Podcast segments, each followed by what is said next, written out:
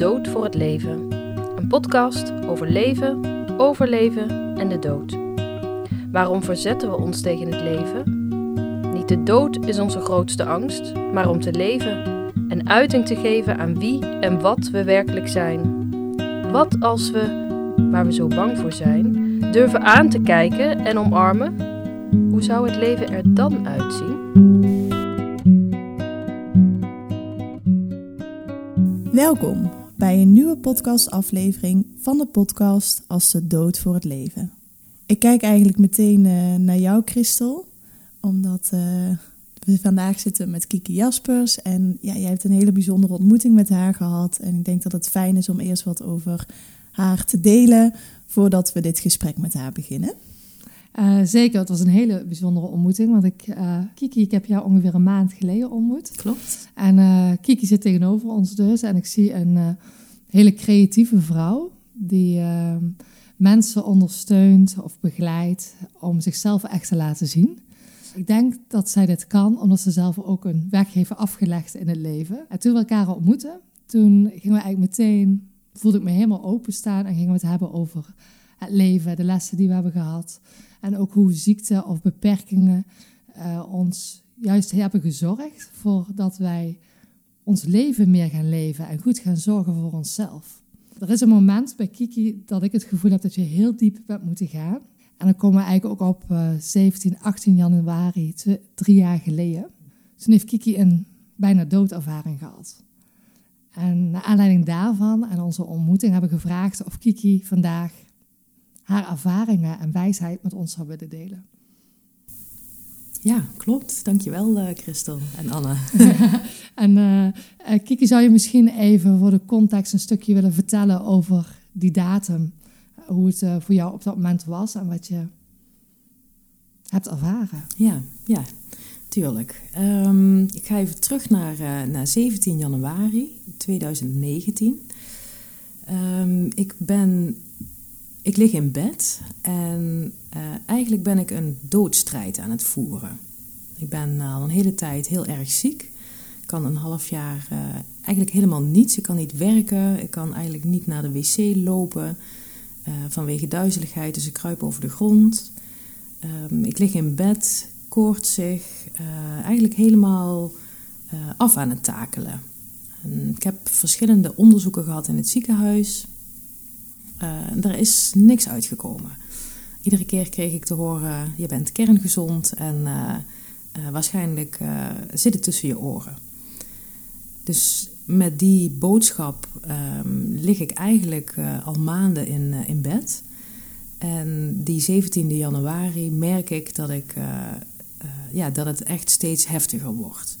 En ik voel, ja, zoals ik het net ook zei, echt een doodstrijd. Ik, uh, ik zit heel erg in de weerstand. Want ik voel dat ik weg ga zakken, maar dat wil ik niet. Dus ik, uh, uh, het is echt ja, een, een soort um, strijd met mezelf eigenlijk. Omdat ik voel dat ik ga, maar ik wil niet gaan. En die wilskracht die heeft mij heel lang hier nog gehouden. maar op een gegeven moment was mijn wilskracht niet ja, of de wilskracht niet sterk genoeg is, dat, dat, nee, dat zeg ik eigenlijk niet helemaal goed. Ik denk dat de andere kracht groter was. En dat moment dat ik uh, die weerstand losliet, ja, dat is eigenlijk onvoorstelbaar. Hoe donker het van tevoren was, in die split second werd het helder licht. En ik kan ook heel goed terughalen wat ik heb ervaren op dat moment. Ik was um, uh, trillend, liggend, zwetend, uh, koortsachtig. En vanaf dat moment uh, was er alleen maar goud licht. En dat voelde alsof ik ineens eigenlijk alles losliet. Alle angst, alle gedachten, alles kon ik loslaten. En tegelijkertijd voelde ik me verbonden met alles. En dat is, ja, dat is een ervaring waar ik moeilijk woorden aan kan geven maar die heel veel indruk op mij hebben gemaakt. Um, ik voelde me volledig vrij. Ik zag uh, uh, goud, een, soort gouden, gouden gloed waar ik me in begaf. waar ik eigenlijk door, door zweefde. En dat was heel mooi. En gewoon echt een heel diep, intens mooi gevoel. En daar eh, ben ik een tijd vertoefd, gebleven. Totdat ik weer uh, terugkwam. Nou is dat terugkomen voor mijn gevoel niet zo heel helder als, uh, de, als de overgang van het donker naar het licht. En ik heb zelf heel sterk het gevoel dat dat komt omdat ik niet meer van het licht terug naar het donker ging, maar dat dat licht eigenlijk nog steeds altijd bij me is gebleven. Dus dat is Mooi. niet zo'n heel duidelijk moment eigenlijk. Ja. En hoe kwam je terug dan in het ziekenhuis? Ja, die, uh, dit is in de nacht gebeurd van uh, de 17e op de 18e januari. En die ochtend ben ik met spoed naar het ziekenhuis uh, gegaan en uh, gebracht. En daar eigenlijk waar de, de artsen, nou zelfs twee dagen daarvoor nog hadden gezegd: ja, we kunnen niks voor je doen. Werd er op dat moment gezegd: van nou, waarom ben je nu eigenlijk pas hier? Want ik was volledig uitgedroogd, ik was ondervoed en ik was gewoon van de wereld. Dus dat was. ik, ik, ik zie mezelf ook nog liggen in het ziekenhuis. Maar daar was ik eigenlijk helemaal niet meer mij. Nee, was ik heel, heel ver weg. Ja. Was er dan wel een reden voor dat je zo ziek geworden bent? Uh, ja, dat is eigenlijk in de weken daarna duidelijk geworden. De artsen die hebben gekeken wat er aan de, aan de hand was. Ze hebben ook mijn, mijn hele dossier zeg maar nagekeken. En kwamen er ook achter dat er op één ding nog nooit uh, getest was. Dus er was nog nooit gekeken naar mijn dunne darm. En uh, er gingen wat lampjes branden bij de artsen. Dat daar misschien wel een, uh, een, een, probleem zou zitten. En ik weet ook nog heel goed hoe ik van, vanaf de spoedkamer naar een, uh, een, een, kamer werd gebracht in mijn bed. Mijn vader liep, uh, liep naast mij en ik weet nog dat we met het bed door de gangen heen gingen. En ik werd uh, gebracht naar, naar een kamer en ik moest daar blijven. En eigenlijk alles in mij zei, maar ik ben toch helemaal niet ziek? Ik mag toch gewoon weer naar huis, want er is toch niks aan de hand? Dat heb ik toch, het zat toch tussen mijn oren? Dus het, het heeft bij mij ook wel even geduurd voordat ik ook echt begreep, oh, er is wel iets aan de hand. Ze hebben allerlei verschillende testen gedaan in die uh, uh, acht dagen dat ik in het ziekenhuis heb gelegen. Uh, waaronder uh, een kijkje eigenlijk in, via de slokdarm in mijn dunne darm. Daar hebben ze verschillende biopten genomen. En daaruit bleek dat mijn hele dunne darm beschadigd was. Dus alle de functie die een dunne darm heeft om, om voedingsstoffen uit voeding te halen, die werkte niet meer. Dus vandaar ook alle klachten op, op alle verschillende vlakken, zeg maar. Ja. Had je het gevoel ja. dat er ook niks aan de hand was? Nee, ik heb mijn hele leven al gevoeld dat er wel wat aan de hand ja. was. Ja, ik heb uh, uiteindelijk is de diagnose celiakie gesteld. Dat is een uh, auto-immuunziekte. Um, ik uh, draag het DNA bij me. Dat wil niet zeggen dat je dat dan ook automatisch ontwikkelt. Um, bij mij is het wel ontwikkeld en eigenlijk in die periode na de diagnose ben ik ook met mijn, uh, met mijn ouders en in de familie terug gaan kijken van hé, hey, wat hebben we misschien eerder gesignaleerd? Hadden we dit eerder kunnen zien? En toen zijn er heel veel kwartjes gevallen. Ik weet nog dat mijn moeder zei dat ik vanaf het moment dat ik van de borstvoeding overstapte op, uh, op vaste voeding en boterhammen, dat ik uh, uh, heel vaak last had van, uh, van buikkrampjes, van buikpijn. Ik kan mezelf ongeveer vanaf mijn zesde, zevende levensjaar herinneren dat ik hele lage energie had, heel vaak buikpijn, hoofdpijn. Eigenlijk ja, misschien niet continu, maar wel heel vaak het soort griepgevoel had. Mm. Dus ik was nooit in optimale staat, zeg maar. Ja. ja. En achteraf is dat heel duidelijk hieraan ja. uh, aan te linken. En dus ook wel dus dat je voelde dat er wel wat aan de hand was. Ja, ik heb dat altijd gevoeld. Ja. Maar dat lijkt me dan ook wel lastig, of in ieder geval dat je dan eigenlijk met de boodschap naar huis gestuurd wordt. Ja, dat zit tussen je oren. Ja. Waardoor je mogelijk ook wel echt aan je eigen gevoel gaat twijfelen. Ja, ja, zelftwijfel is wel echt een thema in, uh, in mijn leven. Dat, uh, dat heb je heel goed opgemerkt. Um, ik heb zo'n 30 jaar in de medische wereld rondgelopen en gezocht naar antwoorden. Uh, daarin ben ik regelmatig doorgestuurd naar een psycholoog om te onderzoeken hè, wat, wat zijn er voor dingen in je, in je leven gebeurd, wat is er op je levenspad gekomen.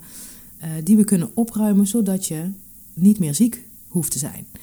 Dus ik heb heel veel aan mezelf gewerkt, maar ik werd daar nooit beter van. In ieder geval, fysiek voelde ik me daar nooit beter door. Ehm, daar heb ik heel veel twijfel over gehad. Hè? Eh, doe ik het wel goed? Heb ik het wel goed aangepakt? Voel ik eigenlijk wel goed?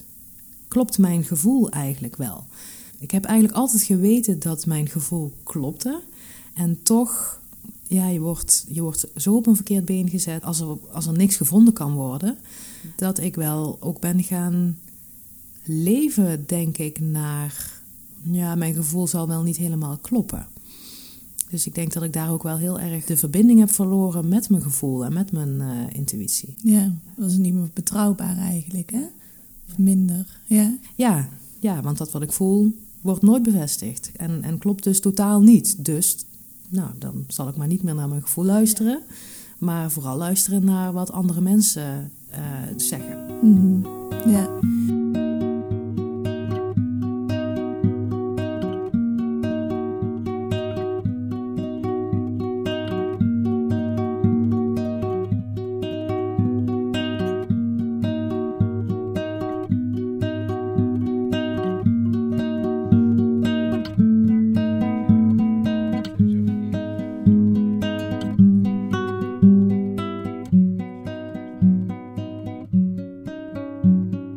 En dan als je het dan hebt over uh, die bijna doodervaring, hoe weet je dan bijvoorbeeld dat dat een bijna doodervaring was?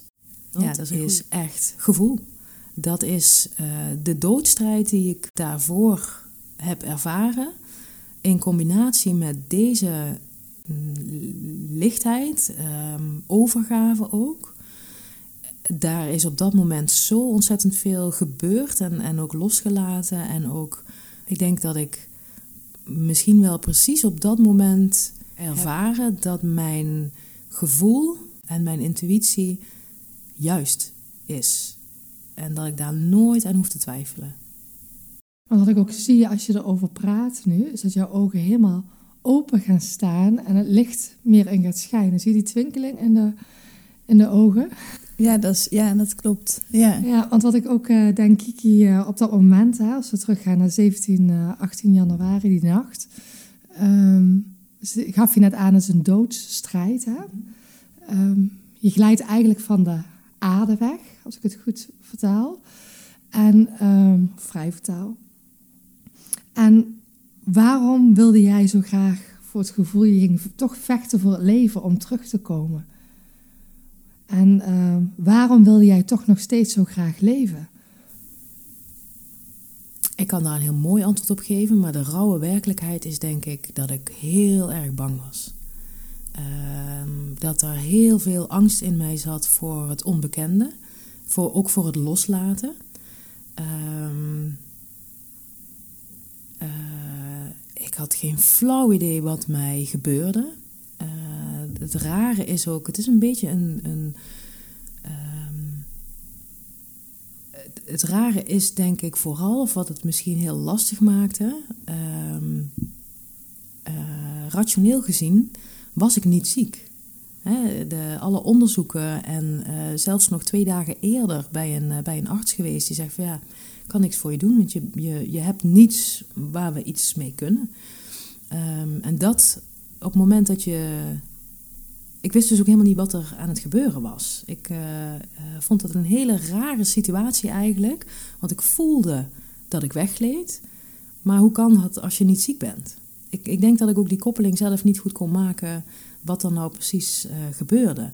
En daar, dat vond ik heel erg eng. Ik denk dat die doodstrijd vooral ook te maken had met, met de angst van wat gebeurt er eigenlijk met me.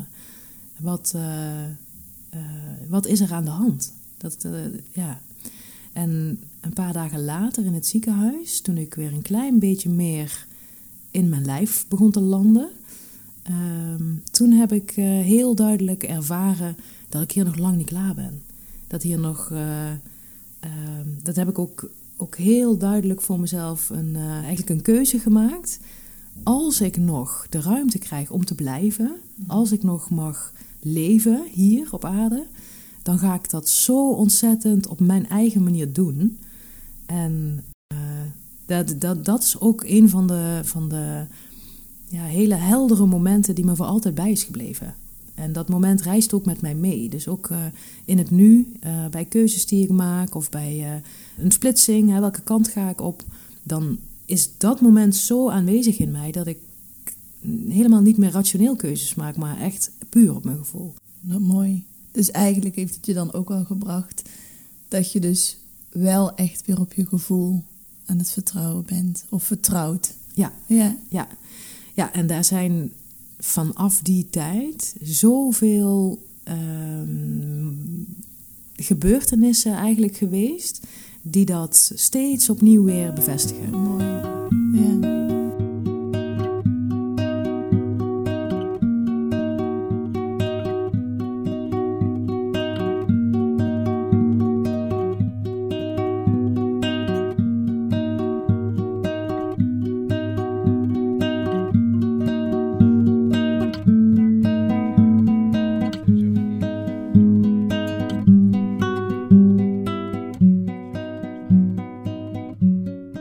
Dus wel uh, toen jij vertelde over um, dat je die doodstrijd aan het voeren was, hè, eigenlijk echt heel erg in verzet. Het is echt heel bijzonder, maar ik moet me heel erg denken aan, ik heb een paar maanden geleden ayahuasca gedronken en eigenlijk net voordat ik uh, nu op reis ging, heb ik een truffelceremonie gedaan. En de struggeling, het verzetten, het niet durven loslaten, de angst was iedere keer net voor het moment dat ik me over durfde te geven. Maar ik was zo bang om eigenlijk zo naar achter te kunnen leunen en zoiets te hebben van: oh, maar ik mag ontvangen en dit is oké. En, maar als ik daar was, dan was er een soort lichtheid. Dat ik zoiets had, of kan ik hier niet blijven of niet? Waarom, waarom durf ik hier niet naartoe of zo? Maar dat is dus echt dat je eerst mag loslaten. Ik herkende heel erg wat je zei, want ik herkende die struggeling ontzettend. Maar het was zo bevrijdend toen ik die angst eigenlijk losliet, waardoor de liefde of het vertrouwen of zo weer kon stromen. Ja. Ja, ik herken het ook zoals jij het nu omschrijft. En wat ik uh, uh, als fotograaf ook zo mooi vind, is dat de natuur, in de natuur gebeurt precies hetzelfde. Want voordat de zon opkomt, dus voordat het licht wordt, is het het donkerst van de hele nacht. Dus dat is eigenlijk exact hetzelfde als wat jij nu omschrijft. Net dat moment voordat het licht wordt, is het het donkerst. En, en ja, is die, die struggle, die strijd, die, ja, zoals jij dat ook, uh, ook omschrijft, het zwaarst. Ja. En, en, maar ik weet ook nog zo goed dat ik zoiets had van... En nu ben ik er klaar mee dat, het, dat er echt iets ontstond. Die bevrijding. Dat was echt bizar. Ja. Dat was echt bizar. En dat kan ja. me dus heel... Uh, ik moest er echt meteen aan denken. Ik herkende wel de struggeling. als natuurlijk heel anders. Hè. Ik heb natuurlijk wel zelf iets uh, tot me genomen. En jij... Uh, was, ja, voor jou was je echt wel die bijna doodervaring. Maar ja, ik heb me daaraan herinneren. En je zei net ook wel van... Um, dat je bang was, hè? maar was het dan dat je bijvoorbeeld bang was ook om dood te gaan? Ik denk dat ik uh, ook van jongs af aan heb ik het gevoel, en dat werd steeds, uh, steeds intenser, dat gevoel, dat ik langzaam aan het doodgaan was. Ik heb dat uh, in 2018 ben ik in de, in de zomer eigenlijk omgekiept. En vanaf dat moment kon ik ook niks meer. Dat was eigenlijk van de een op de andere dag. Daarvoor heb ik ook al heel lang, nou, tientallen jaren lang, het gevoel gehad dat ik niet uh, voluit kon leven. Dat, ik, heb, ik heb in 2018 hardop uitgesproken, ik heb het gevoel alsof ik langzaam aan het doodgaan ben. En dat werd natuurlijk overal ontkracht, want dat zat tussen mijn oren. Dus dat vind ik een lastig ding, omdat ik dat eigenlijk niet, niet echt wist. Ik voelde het wel, maar mijn, mijn hoofd en mijn gevoel zaten daarin ook niet op, uh, op één lijn. En ik heb mezelf ook heel erg voorgehouden van, ah, dit is uh, misschien zelf bedacht. Of dit is uh, uh, iets wat, wat niet klopt. Want anders hadden ze het natuurlijk in het ziekenhuis wel gevonden bij die onderzoeken. Dus dat vind ik, een, dat vind ik nog dat lastig om dat precies zo te benoemen. Of je echt ook bang was voor de dood. Ja, omdat ik ook niet zeker wist. ik voelde wel dat ik langzaam aan het doodgaan was. Maar toch is dat heel raar als dat door niemand wordt bevestigd. Klopt dat dan wel? Ja. Als ik kijk naar nu, ben ik totaal niet bang voor de dood. Nee, de dood is, um, klinkt als iets wat stopt. En in mijn ervaring is het juist iets dat uh, nieuwe poorten opent. Dus het is een hele andere manier, denk ik, van, uh, van kijken naar de dood. Als dat ik ooit zelf eerder gedaan heb.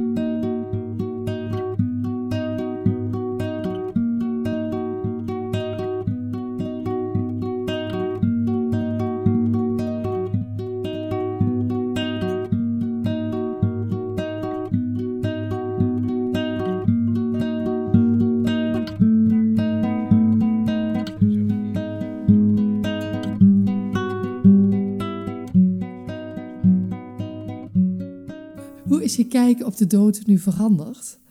Ik ben van tevoren eigenlijk nooit zo heel erg bezig geweest met, uh, met de dood. Um, ik weet ook niet of ik daar een heel duidelijk uh, beeld van had.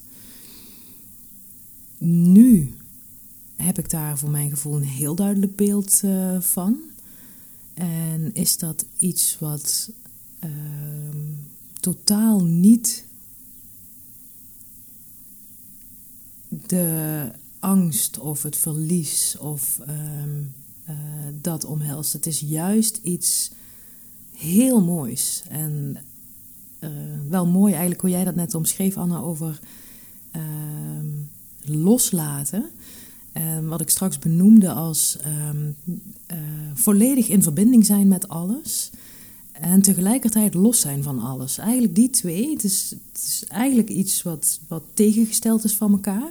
Maar die twee die kwamen samen. Dat is, uh, dat is echt het mooiste wat ik ooit heb ervaren. En dat is ook wat ik, uh, ja, zoals mijn gevoel nu is bij de dood.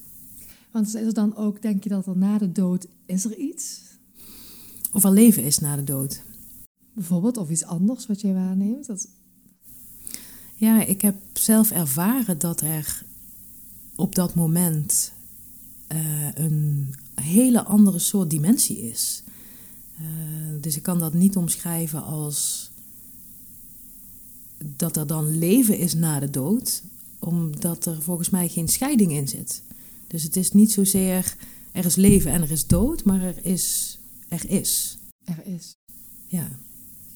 Stoffelijk of energie, of als we het willen bevatten, ik weet het ja, dat vind misschien ik ook. Is het niet te bevatten? Hè? Ja, nou, ja. misschien is dat het ook wel. En is het ook uh, uh, met woorden heel lastig om dat, uh, om dat heel precies uit te kunnen leggen. Omdat met woorden wil je iets doorgeven om het een ander te laten begrijpen. Mm -hmm. Dit voor mij gaat heel ver boven begrip. Gaat heel ver boven denken, denken te weten. Mm -hmm. um, dit is een, um, een, een alles overheersende ja, gevoel eigenlijk. Dat het dan ook zo, dat je weet dat het kloppend is? Misschien is dat wel mooi om, om, om het op die manier ook uit te kunnen leggen. Uh, wat ik net vertelde over de, de gouden ervaring. Hè? Dus dat ik in een alles overheersend, nou ja, ik, ik, achteraf ga je er woorden aan geven. En toen heb ik het uh, benoemd als dat ik volledig één was met het universum. Zo voelde het. Alsof, alsof het universum ook helemaal om mij heen was. En ook in mij zat. Later besefte ik me dat dat gouden licht niet iets is wat buiten mij, zich buiten mij bevindt. Waar ik pas heen ga als ik, als ik doodga. Maar dat dat gewoon helemaal van binnen leeft. En dat wij niet zozeer in het universum leven, maar dat wij het universum zijn. Dat is misschien het meest praktische wat ik er met, met woorden zeg maar, uh, aan kan geven om het uit te leggen. Ja. Want heb je het ook eens teruggelezen in boeken, deze ervaringen? Ja, ik heb van mijn uh, moeder een uh, boek gekregen. Mm -hmm. Zij had dat boek ooit gelezen. En daar staan allerlei verhalen in over mensen die een bijna doodervaring hebben gehad. Daar had ik van tevoren nog nooit over gelezen, was ook nog nooit op mijn pad gekomen. En toen ben ik het boek gaan lezen en daar staan uh, heel veel herkenbare dingen in. En met name de ervaring zelf, hoe mensen de ervaring hebben beleefd. Um, dat dat het meest mooie moment is wat mensen meemaken, kunnen, kunnen meemaken. Dat ze daar een heel, heel fijn gevoel bij hebben. Dat is wel iets wat, wat overeenkomt ook met mijn verhaal, maar wat ik ook zie bij andere verhalen. En ook wat het daarna met je leven heeft gedaan. Hoe groot de verandering is hoe je naar de wereld kijkt, hoe je in het leven staat, ehm, hoe je leeft.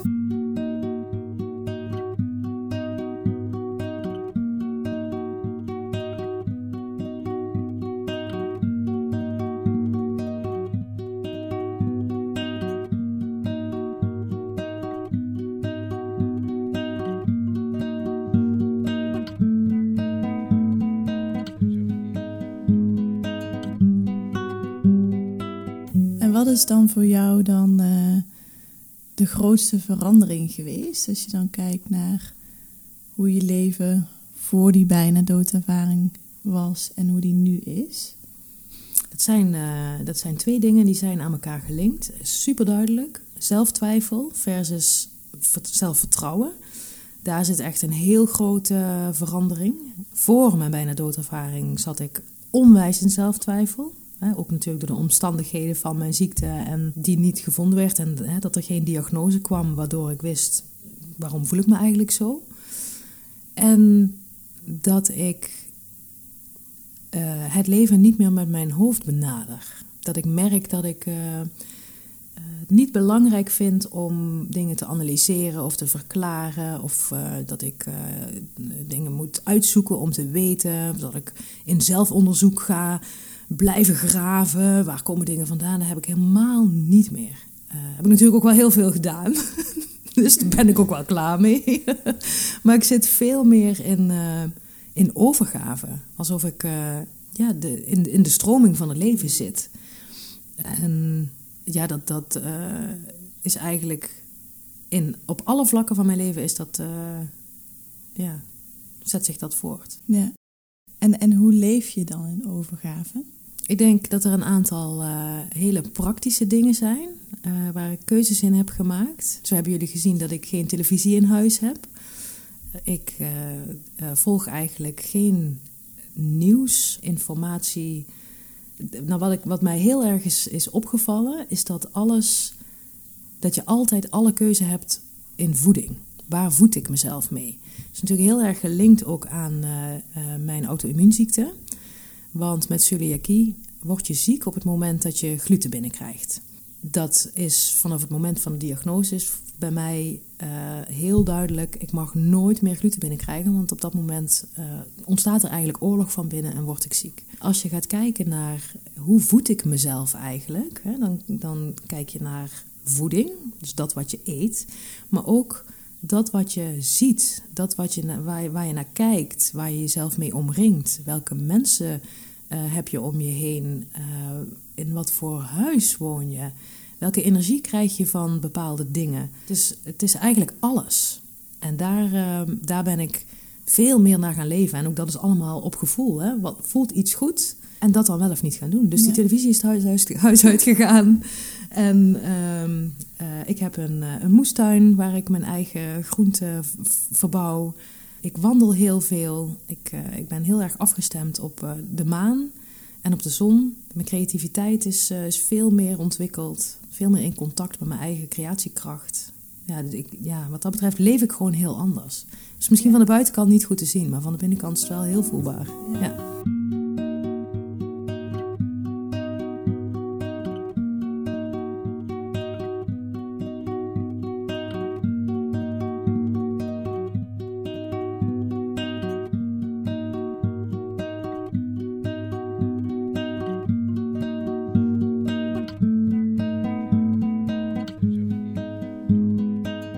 Ben er gewoon nog wel nieuwsgierig zo naar die overgave. Voor mij voelt dat ook van, ik mag eigenlijk een stapje achteruit doen of zo.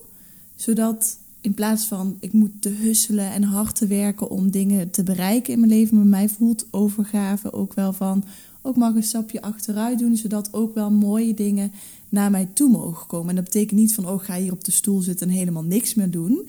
Maar eerder vanuit inderdaad een gevoel of een weten, vanuit daar stappen te zetten. In plaats van ja, daar zo hard voor te werken. Maar ik weet niet of dat iets is wat je dan daarin herkent. Herken ik heel erg. Ehm, eigenlijk is het ook wel mooi nu je dit uh, benoemt, dat ik me besef dat ik ook voor die bijna doodervaring heel hard heb gewerkt.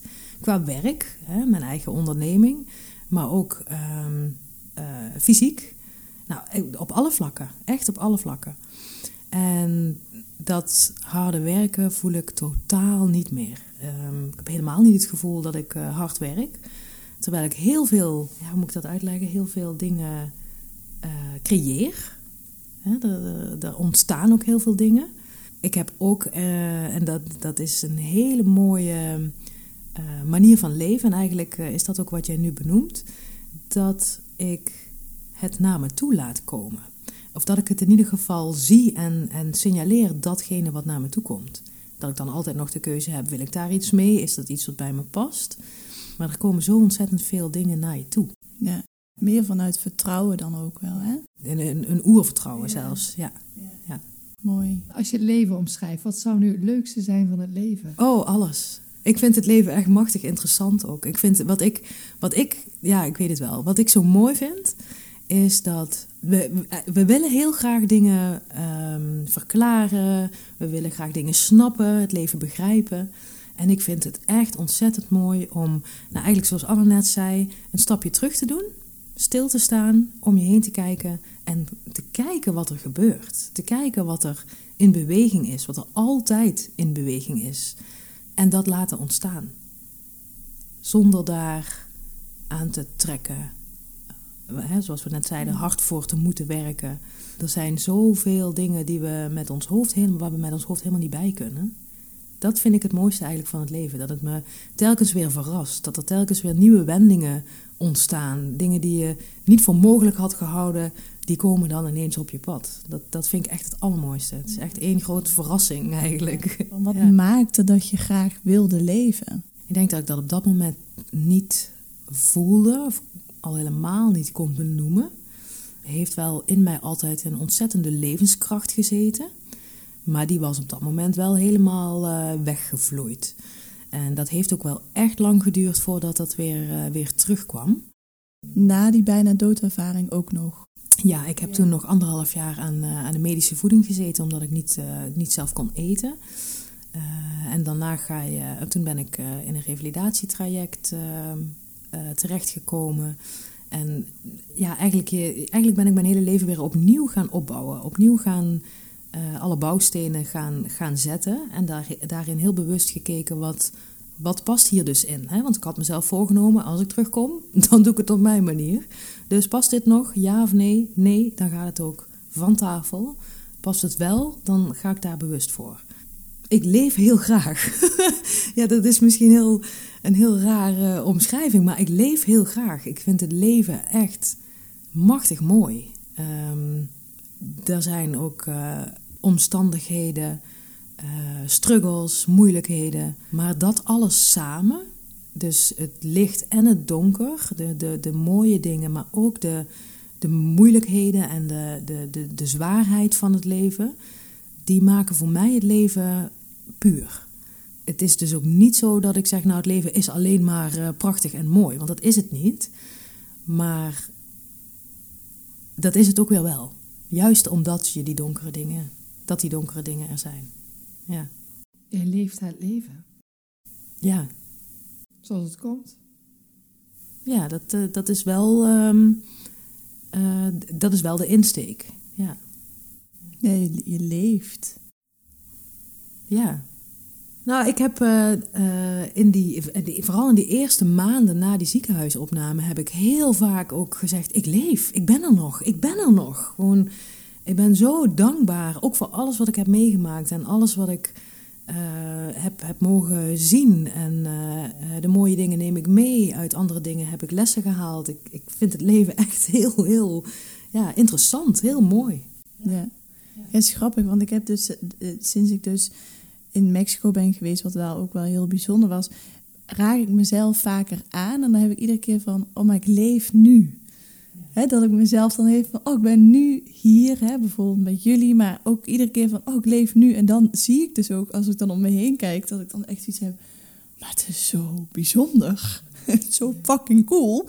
En zo is van, hè, maar dat is echt.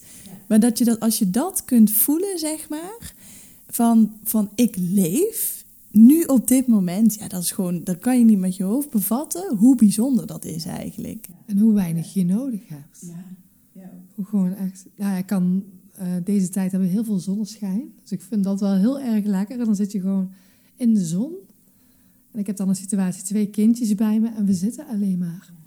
Zo, eh, zo uh, reed ik uh, vrijdagochtend heel vroeg richting Utrecht. En de zon die kwam echt als een grote gouden bal kwam die op. En dan zie je over de snelweg, het begon al druk te worden. En je ziet daar die zon opkomen over die velden.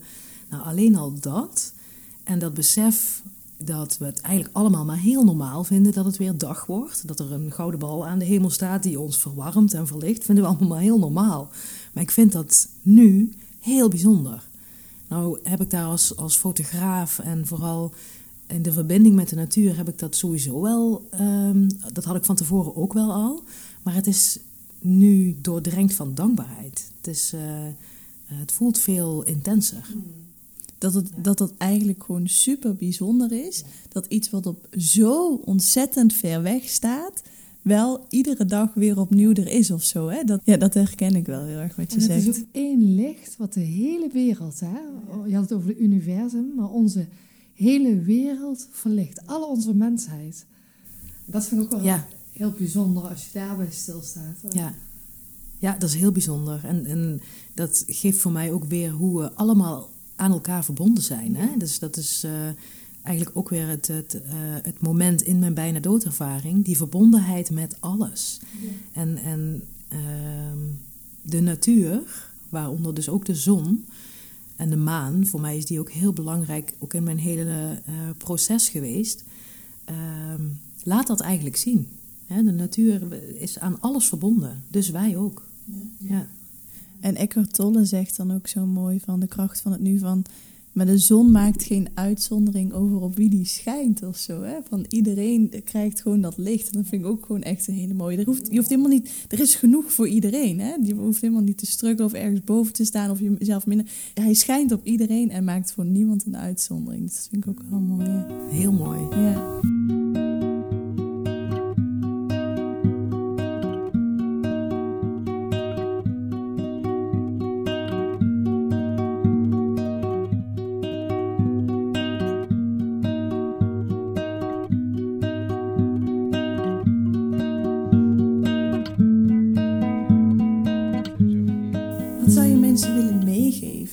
Als je iets zou willen meegeven? Je hebt nou veel gedeeld over het leven na je bijna doodervaring, maar op dat moment ben je ook diep moeten gaan.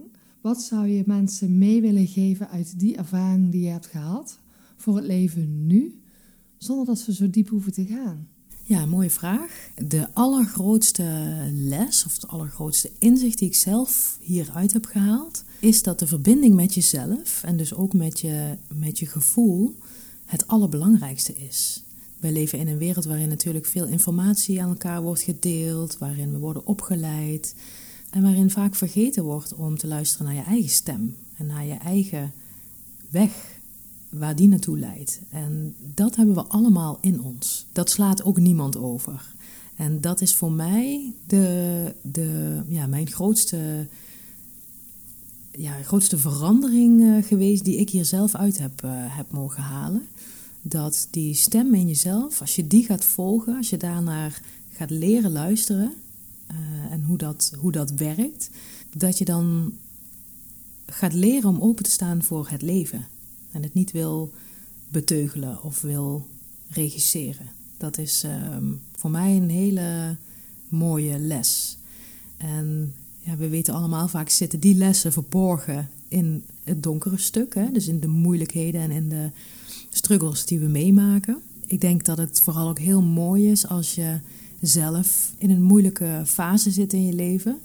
Dat je je daaraan mag overgeven dat het dit is en dat antwoorden vanzelf gaan komen. Ja. Mooi. Heel mooi. En misschien denk ik ook wel herkenbaar voor ons eigen pad, hè? Zeker. Ja, ja. Daar ken ik ook in. Sinds ik meer durf te vertrouwen op mijn eigen gevoel, leef ik eigenlijk ook meer. Ja, ja heel mooi. Dank je wel uh, voor de inspiratie en de wijsheid die je gedeeld hebt. Die we hopelijk weer met anderen mogen delen. Zeker. Het boek gaan we denk ik ook even in de notes zetten. Dat is een mooi boekentip. En wat ons ook wel gaat helpen, nu gaan we Christel en ik even iets zakelijks toevoegen. Nee hoor, even een grapje. Maar ik ben er dus achter gekomen dat het dus ook kan helpen om aan het einde te vragen. Dat mocht je dit bijvoorbeeld een mooie aflevering vinden, dat het ons helpt om uh, aan te geven of een ranking te geven. Omdat dan ook op die manier we wat hoger komen te staan en daardoor ook uh, mensen, hopelijk nog meer mensen hiermee mogen inspireren. Dus daar zou je ons super blij mee maken. En ik denk ook wel leuk even in een notes te zetten uh, de website van Kiki. Ik weet dat die nu ook in ontwikkeling is. De nieuwe website uh, te benoemen. En Kiki is ook nog een boek aan het schrijven. Dus uh, dat kunnen we later nog wel eens een keer. Als je het ook interessant vinden en graag meer over willen weten, dan kunnen we nog een podcast over opnemen. En dan kun je ons ook nog persoonlijk berichten. Fijn, dankjewel. Jij bedankt.